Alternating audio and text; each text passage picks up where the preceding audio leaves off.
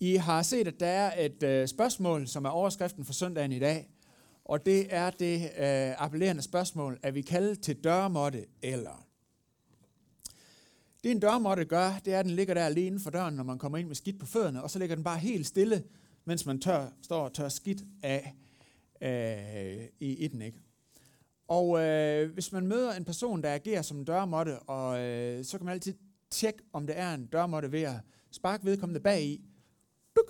Og hvis vedkommende vender sig om og siger, nej, det må du godt nok undskylde, så er det en dørmåtte, vi er fat i.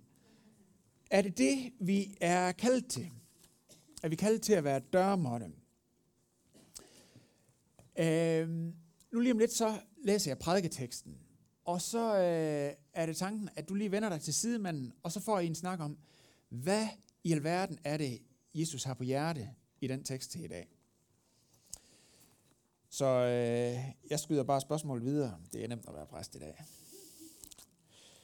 Men prædiketeksten er fra den, øh, den prædiken, der hedder bjergprædiken, som er kendt og elsket også ud over kirkens sammenhænge. Jeg kan huske, vi kiggede på den til danstimen, da jeg gik på HF. Og øh, stykket, vi skal læse i dag, er fra kapitel 5, vers 38 til 48, hvor der står, og den er der, ja. I har hørt, der er sagt, øje for øje og tand for tand.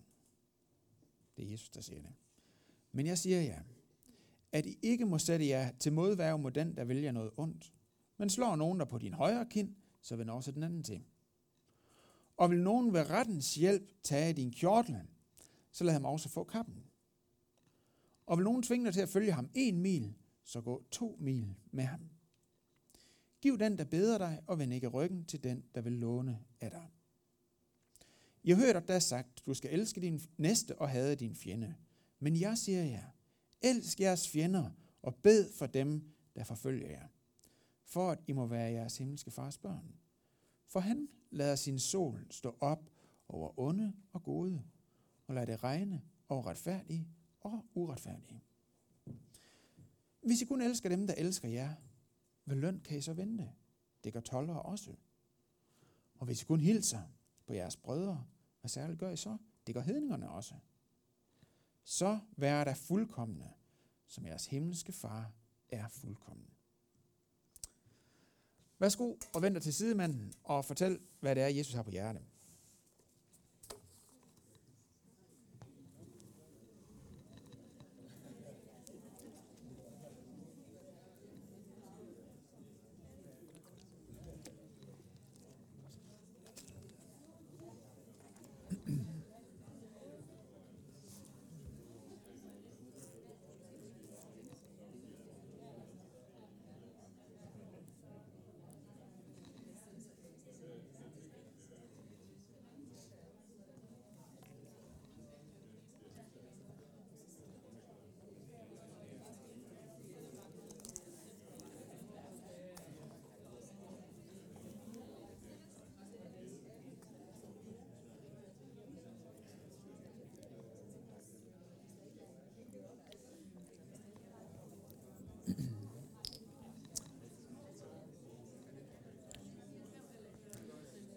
Ja.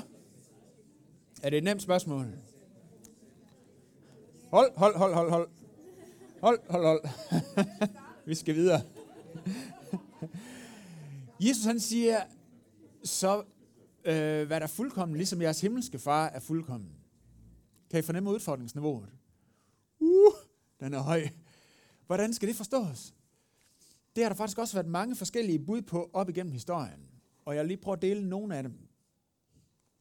Og den er allerede gået tør for batteri. Kan du hjælpe mig, Christine? Tak. Øh, I den katolske kirke, der har man sagt, at det her, det gælder ikke for alle. Det er simpelthen for stort et krav at stille. Men det gælder for nogle særlige, det gælder for munke og nonner og præster. Så det er jo et bud, hvor man ligesom, ligesom kommer om med et. Et andet bud er fra den lutherske ortodoksi, som var fra 1550 til 1700. Og der sagde man, jamen det er, ikke, det er slet ikke meningen, at det skulle kunne lade sig gøre det her. Pointen er egentlig bare, at vi skal se, øh, hvor store synder vi er, og hvor stor brug vi har for Gud. Det er pointen med, når der står øh, noget så voldsomt, vi skal være fuldkommende.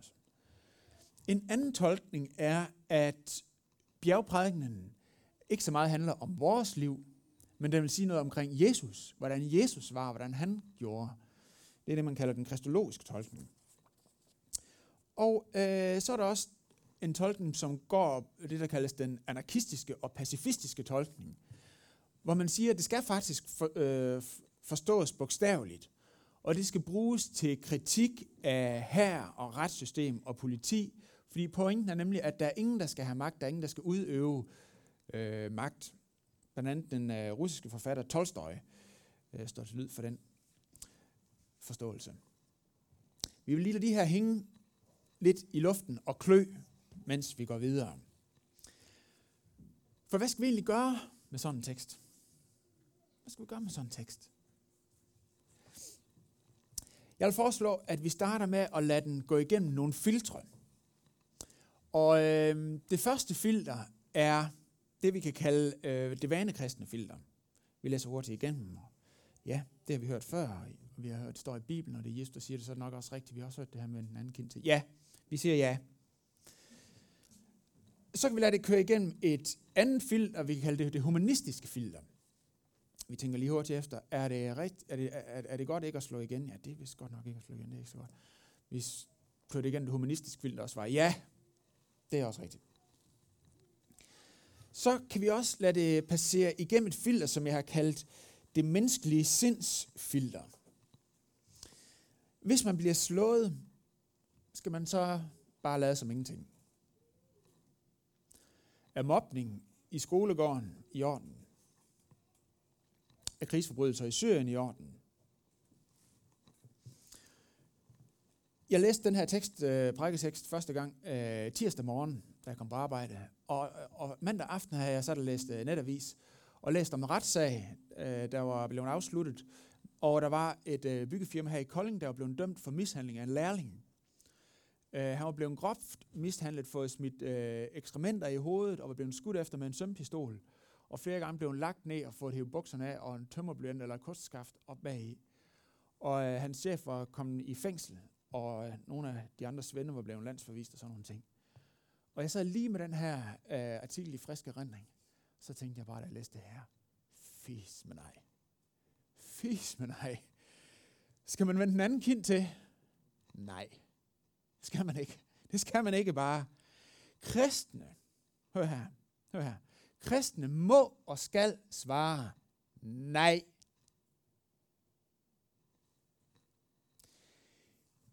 Vi skal ikke bare lade det her spørgsmål passere ureflekteret igennem filteret. Fordi så bliver Jesu ord til en løftestang for undertrykkelse og en nedbrydning af personlige grænser og menneskelig værdighed og integritet. Og så kan det også blive til en undskyldning for at være konfliktsky. Så derfor vil jeg starte med at prædike over det, der ikke står i den her tekst. Start med at prædike noget andet, end det, der siges lige her. Fordi ellers tror jeg simpelthen ikke, vi kan høre, hvad det er, Jesus siger. Og så vil vi senere komme tilbage. Pointen er nemlig ikke, at vi skal lukke øjnene for det, der er uretfærdigt, og være ligeglad med retfærdighed. I Moseloven, der har vi det tidligste eksempel i verdenshistorien på et bud om at stå op for den svage, for at håndhæve retfærdighed. Det var der ikke andre steder, øh, vi har fundet noget på skrift, hvor man har øh, været optaget af det. I Gamle Testamentet i Amos' bog, der taler der torden imod religiøse, som er optaget af deres gudstyrkelse, men ikke som står op for den svage, men som undertrykker den svage og udnytter den svage. I starten af bjergprædiken, der siger Jesus, salig er I som hunger og tørster efter retfærdighed, for I skal mættes. Og nogle steder i Bibelen, så kaldes Jesus simpelthen ved navn som den retfærdige. Det er et af hans prædikater, et af hans, ja, ikke øgenavn, heller ikke kælenavn, men et af hans navne. Hvordan hænger det sammen med stedet, som vi læser i dag? Det vil jeg starte med at svare på. Når vi læser Bibelen i sin helhed, så viser der sig et helhedsbillede af, at Gud leder verden med to forskellige hænder. To forskellige myndigheder, to forskellige magtorganer, to forskellige regimenter, to forskellige ledelsesinstanser. Det ene magtorgan er hans folk, kirken. Det er det, det meste af Bibelen handler om. Det andet magtorgan, som Gud leder verden igennem, er landets myndigheder. Kejseren, kongen, fyrsten, staten, sheriffen, folketinget, domstolene, politiet, herren og hvad det ellers har heddet op igennem historien. Og øh, det står der om en hel del steder, men slet ikke så mange steder, som der står om, hvordan han leder verden gennem kirken. Men vi skal prøve at se på et af stederne fra Rombrevet kapitel 13. Det kommer op her. Og der siger Paulus til menigheden i Rom, alle skal under sig, ordne sig under de myndigheder, som står over dem. For der findes ingen myndigheder, som ikke er fra Gud, og de, som findes, er forordnet af Gud. Den, som sætter sig op imod dem, der har en myndighed, står derfor Guds ordning imod, og de, der gør det, vil pådrage sig et dom. De styrende skal jo ikke skræmme dem, der gør det gode, men dem, der gør det onde. Vil du slippe for at frygte myndighederne, så gør det gode, og du vil blive rost af dem, for de er Guds tjenere til dit eget bedste. Men gør du det onde, må du frygte. Ikke for ingenting bærer myndighederne svær eller pistoler. De er Guds tjenere og skal lade vreden ramme dem, der gør det onde. Det vi læser her er, at staten ikke kun er en eller anden ting, vi mennesker har fundet på, men det er noget, som Gud har forordnet. Det er Guds redskab til at straffe onde og fremme det gode. Og det er det, om myndigheden er kristen eller ej. Da Paulus skrev det her, der var det kejseren i Rom, der sad, og han var ikke lige, han har ikke gået i søndagsskole. Myndighederne er Guds måde at styre verden på, og det kan, man, det kan han gøre, uanset om vi er kristne eller ej, fordi at de fra skabelsens hånd er givet fornuften og samvittigheden. Og til at udfylde den opgave har Gud givet staten et magtmiddel, nemlig svært. Det er retten til at udøve fysisk magt. For eksempel øh, må politimænd bruge tvang, de må bære skydevåben, og retsvæsenet øh, må frihedsberøve øh, forbrydere og sætte dem i fængsel. Det har jeg prøvet lige at sætte op på et schema for at få de her ting skilt ad. Altså Gud leder verden gennem to forskellige magtorganer. Det er staten, og det er kirken. Statens opgave er at forvalte skabelsesordningen. Det vil sige politik, arbejdsliv, økonomi, ægteskab, sørge for lov og orden og sådan nogle ting. Kirkens opgave er at forvalte frelsesordningen. Statens domæne er Danmarks rige, for os vedkommende. Kirkens domæne er Guds rige. Vi kan godt se, at der er et overlap her, ikke også? Statens, domæne, eller statens redskab er det fysiske svær. Retten til at bruge fysisk magt. Kirkens redskab er ordets svær. Vi er ikke kaldet til at drive på, øh, hvad det hedder, korstog og sådan noget. Det, den magtmiddel er vi ikke givet. Vi er givet ordet. Det er den eneste magt, vi har fået i kirken. Det staten kan, er at begrænse forrådnelse. Der gik øh, rød, øh, råd i noget ved syndefaldet, og der kom ondskab ind i verden. Det skal begrænses for at, at sikre et liv i lov og orden. Så det er det, staten kan. Kirkens opgave er at helbrede forrådnelse. Det er en anden karakter. Det her, det kan I læse meget mere om, hvis I søger under øh, de to regimenter, eller to regimenter læren. Men den pointe, som jeg gerne vil have med i dag, og som jeg synes er vigtig, er, at Gud stikker ikke fingrene i ørerne og lukker øjnene og synger Hakuna Matata, når mennesker lider. Gud regerer gennem staten for at opretholde retfærdighed og straffe det onde. Pointen er ikke et kald til at være dørmåtte og se stort på retfærdighed og ret. Det er den første pointe. Den anden pointe, som jeg synes er så vigtig at have med, inden vi går ind og kigger på, hvad der står i den her tekst, det er øh, en pointe, som fremgår af grammatikken i, i dagens prædiketekst. Jesus han starter med at sige, I har hørt, at der er sagt, altså I og jer, anden person flertal. Så skifter grammatikken, hvor han slår over i, men hvis nogen slår dig, på den højre kind. Så går han lige over, pludselig over i anden person ental. Hvad er pointen med det skifte? Det er fordi, nu er vi lige pludselig i en situation, hvor det er den enkelte, der står i et valg, og endda i et frivilligt valg. Ingen kan med Bibelen i hånden gå hen og sige, nu slår jeg dig på den ene kind, og så skal du vende den anden til. Eller nu tager jeg din telefon, så nu skal du også give mig din cykel. Det er altid et valg, den enkelte står i. Jeg kan heller ikke sige til Thomas, nu kan jeg se, at Marie slår dig, så nu skal du vende den anden kind til. Det er altid et valg, som Thomas står i. Vi kan aldrig lægge det ned over hinanden. Jeg læste på et tidspunkt en bog af en forfatter, der hed John Eldridge, der hed Det maskuline hjerte. Jeg ved, der er mange af jer, der også har læst den, og nogle af jer har læst den, der hedder Det feminine hjerte, som han skrev sammen med sin kone Stacy. Og på et tidspunkt, så var jeg ved at tage både næse og mund, fordi han skrev, at han lærte sin søn, som blev øh, drillet og banket i skolen, og slå igen. Simpelthen, hvordan laver du den bedst lige højre med størst mulig effekt? Puh. Og jeg tænkte bare, skrev du det? Og jeg blev nødt til at tjekke, var den her bog udgivet af et kristen forlag? Ja, det sørger med, det var den. Hvad sker der for den mand?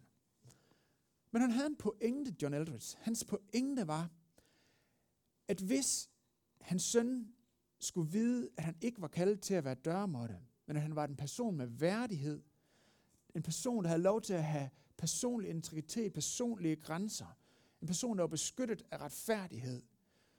Hvis hans søn nogensinde på et tidspunkt skulle blive en voksen og moden mand, der frivilligt kunne give afkald på retfærdighed, så måtte han først vide, hvem han var, og at han var beskyttet af retfærdighed. Ellers ville han aldrig nogensinde lære at vende den anden kind til. Det var hans pointe. Lad os prøve at kigge på de tre eksempler, som Jesus han kommer med i teksten til i dag. Det første, i vers 39, hvor han taler med et slag på kinden, der står ikke bare, hvis der er en, der slår dig, eller hvis det er en, der slår dig på kinden, der står, hvis det er en, der slår på din højre kind. Hvorfor står der det? Hvis, Thomas, kan, eller nej, Pelle, kan du ikke lige komme herop og hjælpe mig? Øh, hvis, tak, tak. Se, nu sker der noget, det, det bliver bare noget, vi lader som om. Hvis, jeg, jeg, er høj, jeg er godt nok venstre hånd, men de fleste mennesker er højre hånd. Hvis jeg slår Pelle med min højre hånd på hans højre kind, ikke sådan her, så slår jeg med bagsiden af hånden. Ikke? Det er der en pointe i. Man kan læse de rabbinske tekster, og alle de forskere, jeg har læst omkring det her, skriver, at der er den pointe, at slaget med bagsiden af hånden er ikke udtryk for vold, men det er udtryk for ydmygelse og nedværdigelse. Der står i rabbinsk lov, at der, der var dobbelt straf, hvis man slog med bagsiden af hånden, fordi det var simpelthen så nedværdigende. Det er jo en måde, man kunne slå slaver, eller børn, eller en, som man, øh, en kætter, eller sådan noget. Så det er et nedværende slag. Du må gerne blive bestående pille. Jeg skal lige bruge det lidt igen. Æ, ikke fordi jeg skal slå rigtigt. Vel? Så det, man gør, hvis man siger, vender den anden kind til, altså den venstre, ikke? så siger man, slå mig igen, hvis du vil. Men denne gang som en ligeværdig. Der er ikke forskel på os. Jeg er ikke en, der er under dig. Jeg vender ikke den højre kind til. Jeg vender den venstre kind til. Hvis den slår dig på den højre kind, så vend også den, øh, den, den anden til. Tak skal du have, Pelle. Tak for hjælpen. Ja, lige ham der. Der er altså noget i det her med at stille spørgsmålstegn ved den magtbalance, som bliver udøvet i det øh, slag på den højre kind. Ikke? Lad os prøve at kigge på det andet eksempel. Jeg vil sådan sige, hvis nogen tager din kjortel, det er underklædningen, den kunne man godt undervære, så havde man stadigvæk kappen på yderklædningen. Så, men hvis nogen tager din kjortel, så giver ham også kappen. Og casen her er en øh, pantgivning i en retssag, hvor man skylder penge væk. Og det, som man vil gøre, hvis man giver både kjortlen og kappen, det er, så står man tilbage i sin underbukser. Og på den måde vil man udstille grådigheden hos den, som har sagsøgt en. Og det vil lige pludselig blive pinligt for den person. Kan I se? Man peger lige pludselig et andet sted hen. Man stiller lige pludselig spørgsmålstegn ved det, der foregår. Man er ikke i defensiven, man går faktisk i offensiven. Til sidste eksempel, Jesus han siger, hvis nogen følger dig en mil, så gå to mil med Øh, den romerske besættelsesmagt, de havde øh, selv forestaltet en ret. De havde til at opkræve øh, af landets befolkning, at de skulle følge dem en mil, hvor de bar deres øh, gear og deres udstyr. Bær det her for mig en mil. De måtte højst kræve det en mil. Nogle af jer måske kan huske derfra, da Jesus han skulle op til Golgata, og de mangler nogen til at bære kors, og så hævde lige Simon og Kyrene ud. Bær det her kors. Bøb. Det har de ret til. Ved at følge med ikke bare en, men to mil, så vil disciplen, som har hørt Jesu ord her og handler på det, fuldstændig vende den her magtbalance på hovedet og vise, at for mig, der er der faktisk en herre, som står over den romerske kejser. Der er en overmagt i mit liv, og disciplen vil afspejle den herre, som er overraskende generøs, og som har magtmiler, der står over fysisk magt, nemlig venlighed. For øh, en del år siden, da jeg var studerende, der manglede vi en ny bil i familien, og så kørte jeg ned til Sønderjylland øh, og købte en Toyota Carina E af en øh, udlænding, der prøvede at starte en øh, brugtbilsforretning op. Og han skulle have 13.800 for den her Toyota Carina E. Og jeg synes egentlig, det var den også værd. Og jeg kan godt lide at handle, og lykkes ret tit med det. Men i stedet for at handle prisen ned, så begyndte jeg at handle prisen op. Bare for sjov. Øh, fordi den udlænding skulle mærke, at øh, der er faktisk en kærlig Gud. Og det tænkte jeg, det var da en øh, god anledning til at... Øh, og det gav en ret sjov samtale og rigtig høj gensidig respekt. Pointen er ikke i Jesu ord, når han taler om det her, at vi skal øh, se os selv som dørmåtter, eller handle som dørmåtter. Det er simpelthen ikke pointen. Nu vil vi så prøve at vende tilbage til teksten for at se på, hvad er faktisk Jesu pointe? Og hvordan kan vi udleve Jesu pointe? I vers 46 og 47 står der, hvis I kun elsker dem, der elsker jer, hvad løn kan I så vente? Det gør toller også. Og hvis I kun hilser på jeres brødre, den hilsen, der tales om her, det kan man ikke se i det danske oversættelse, men det er sådan en velsignelseshilsen. Hvis I kun hilser og velsigner øh, jeres brødre, hvad særligt gør I så? Det gør hedninger også. Hvad er det for noget, Jesus har i tankerne her? Hvad er det for noget særligt, som han er ude efter? Hvad er det for en løn? Hvad er det for et output, han sigter til? Hvis vi læser tilbage i teksten i bjergprædiken her, så kommer vi om i starten af bjergprædiken, og der taler Jesus om, han siger til disciplene, I er verdens salt. I er verdens lys. Lys, det er noget, der skinner op et sted, hvor der er mørkt.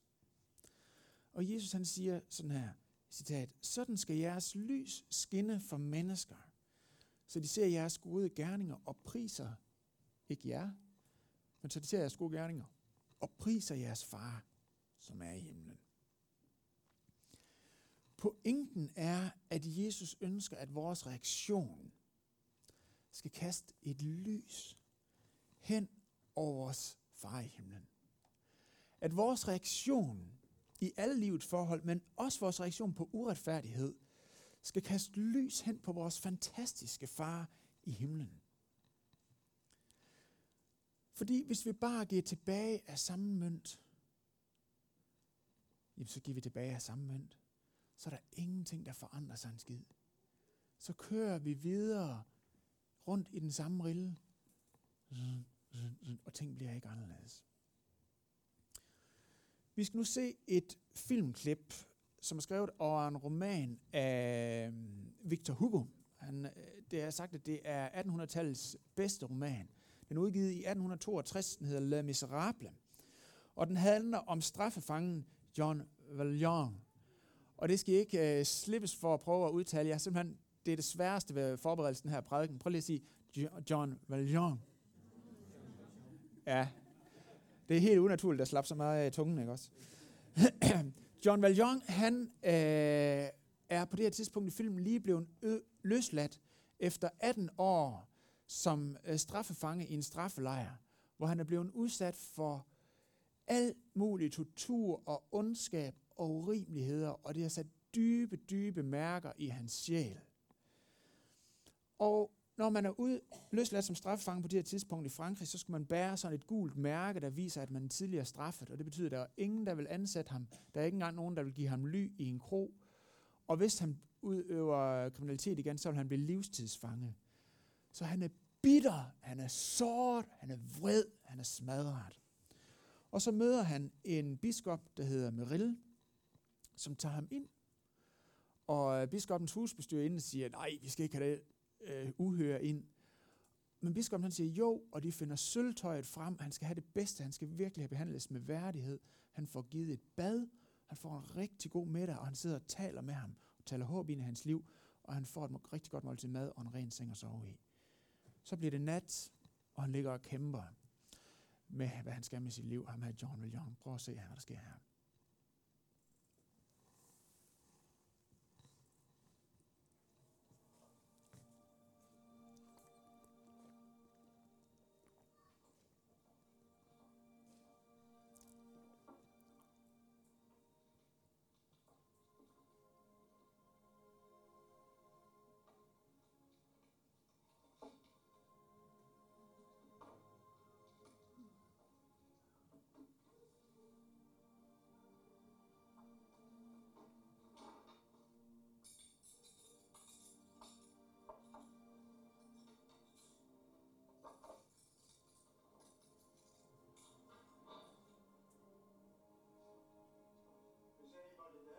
Er der nogen?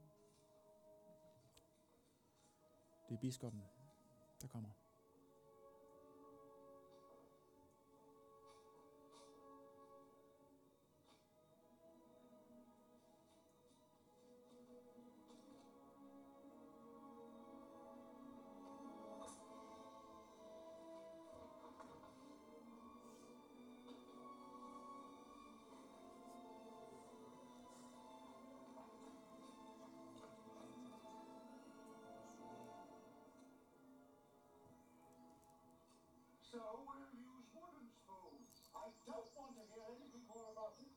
Nu vil jeg ikke høre med klunk over det røveri. Undskyld, jeg forstyrrer. Men jeg har holdt øje med denne mand. Jeg er meget vred på dig, Jean Valjean. Fortalte han da ikke, at han var vores gæst i går aftes? And found all this silver. He claimed Efter vi havde undersøgt hans rygsæk og fandt alt det her sølv, så påstod han, at, han, at du havde, han havde fået det af dig. Ja, selvfølgelig gav jeg det til ham.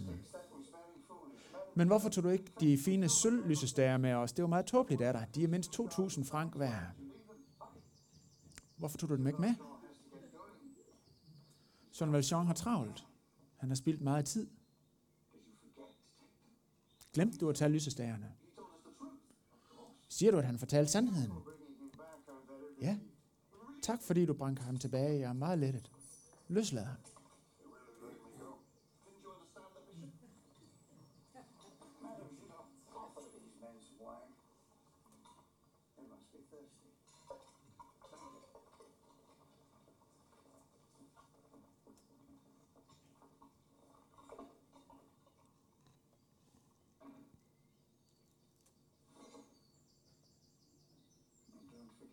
Og glem ikke. Glem aldrig. Du har lovet at blive et nyt menneske. Hvorfor gør du det? Jean Valjean, min bror. Du tilhører ikke længere ondskab. Med det her sølv har jeg købt din sjæl. Jeg har løst købt dig for had og ondskab og frygt, og jeg giver dig tilbage til Gud.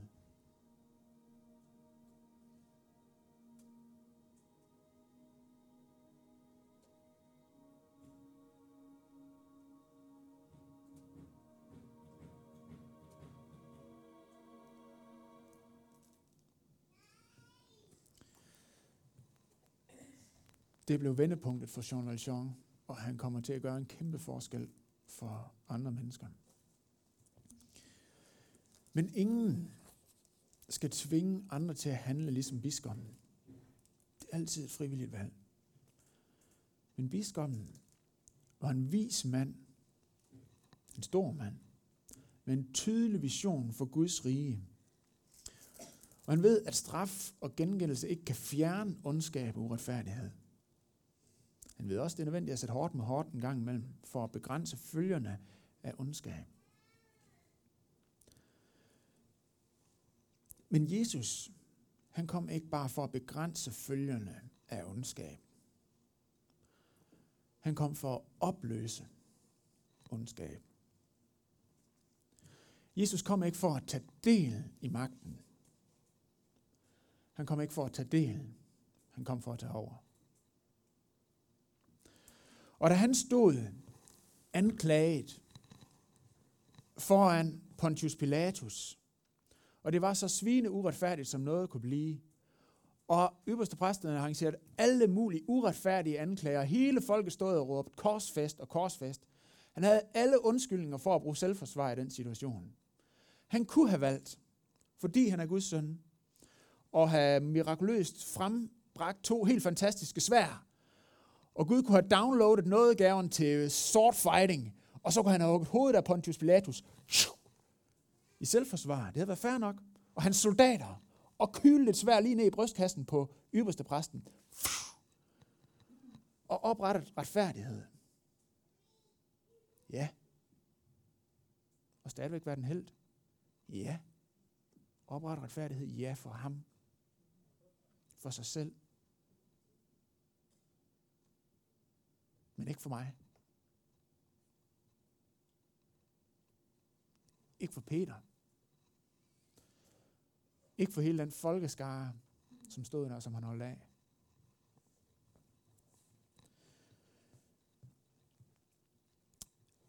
Jesus han siger i teksten her om Gud, Gud lader sin sol stå op over onde og gode. Jesus han tog ikke svært, han tog korset. Og så betalte han for retfærdighed til mig, som ellers stod til livsstils, livstidsdom, ligesom Jean Valjean. Jeg er selv den, der blev elsket, hvor jeg var, ikke var elskværdig. Jeg var den, der blev vist venlighed, hvor jeg har slået. Jeg var den, der blev gjort til kongesøn, hvor jeg var subsistensløs eller forbryder. Jesu nåde er den medicin, der opløser ondskaben. Opløser den. Det er det eneste, der kan. Og vi kan som gennemelskede, som voksne mennesker, som myndige kongedøtre og kongesønner, der kender vores værd og kender vores ret, der kan vi vælge frivilligt at give afkald. Vi kan vælge at gøre det, fordi vi ønsker at ligne vores far i himlen. Og vi ønsker at være med på hans vision om en bedre verden. Vi ønsker at afspejle ham. Vi ønsker at ære ham for det, som han har gjort for os. Vi ønsker at være med på hans vision om, at ondskab det skal ikke bare tøjles, men det skal opløses. Så kan vi vælge at gøre det her og vende den anden kind til. Ikke fordi vi er dørmåtter, men fordi vi er kongebørn. Lad os rejse os op og bede.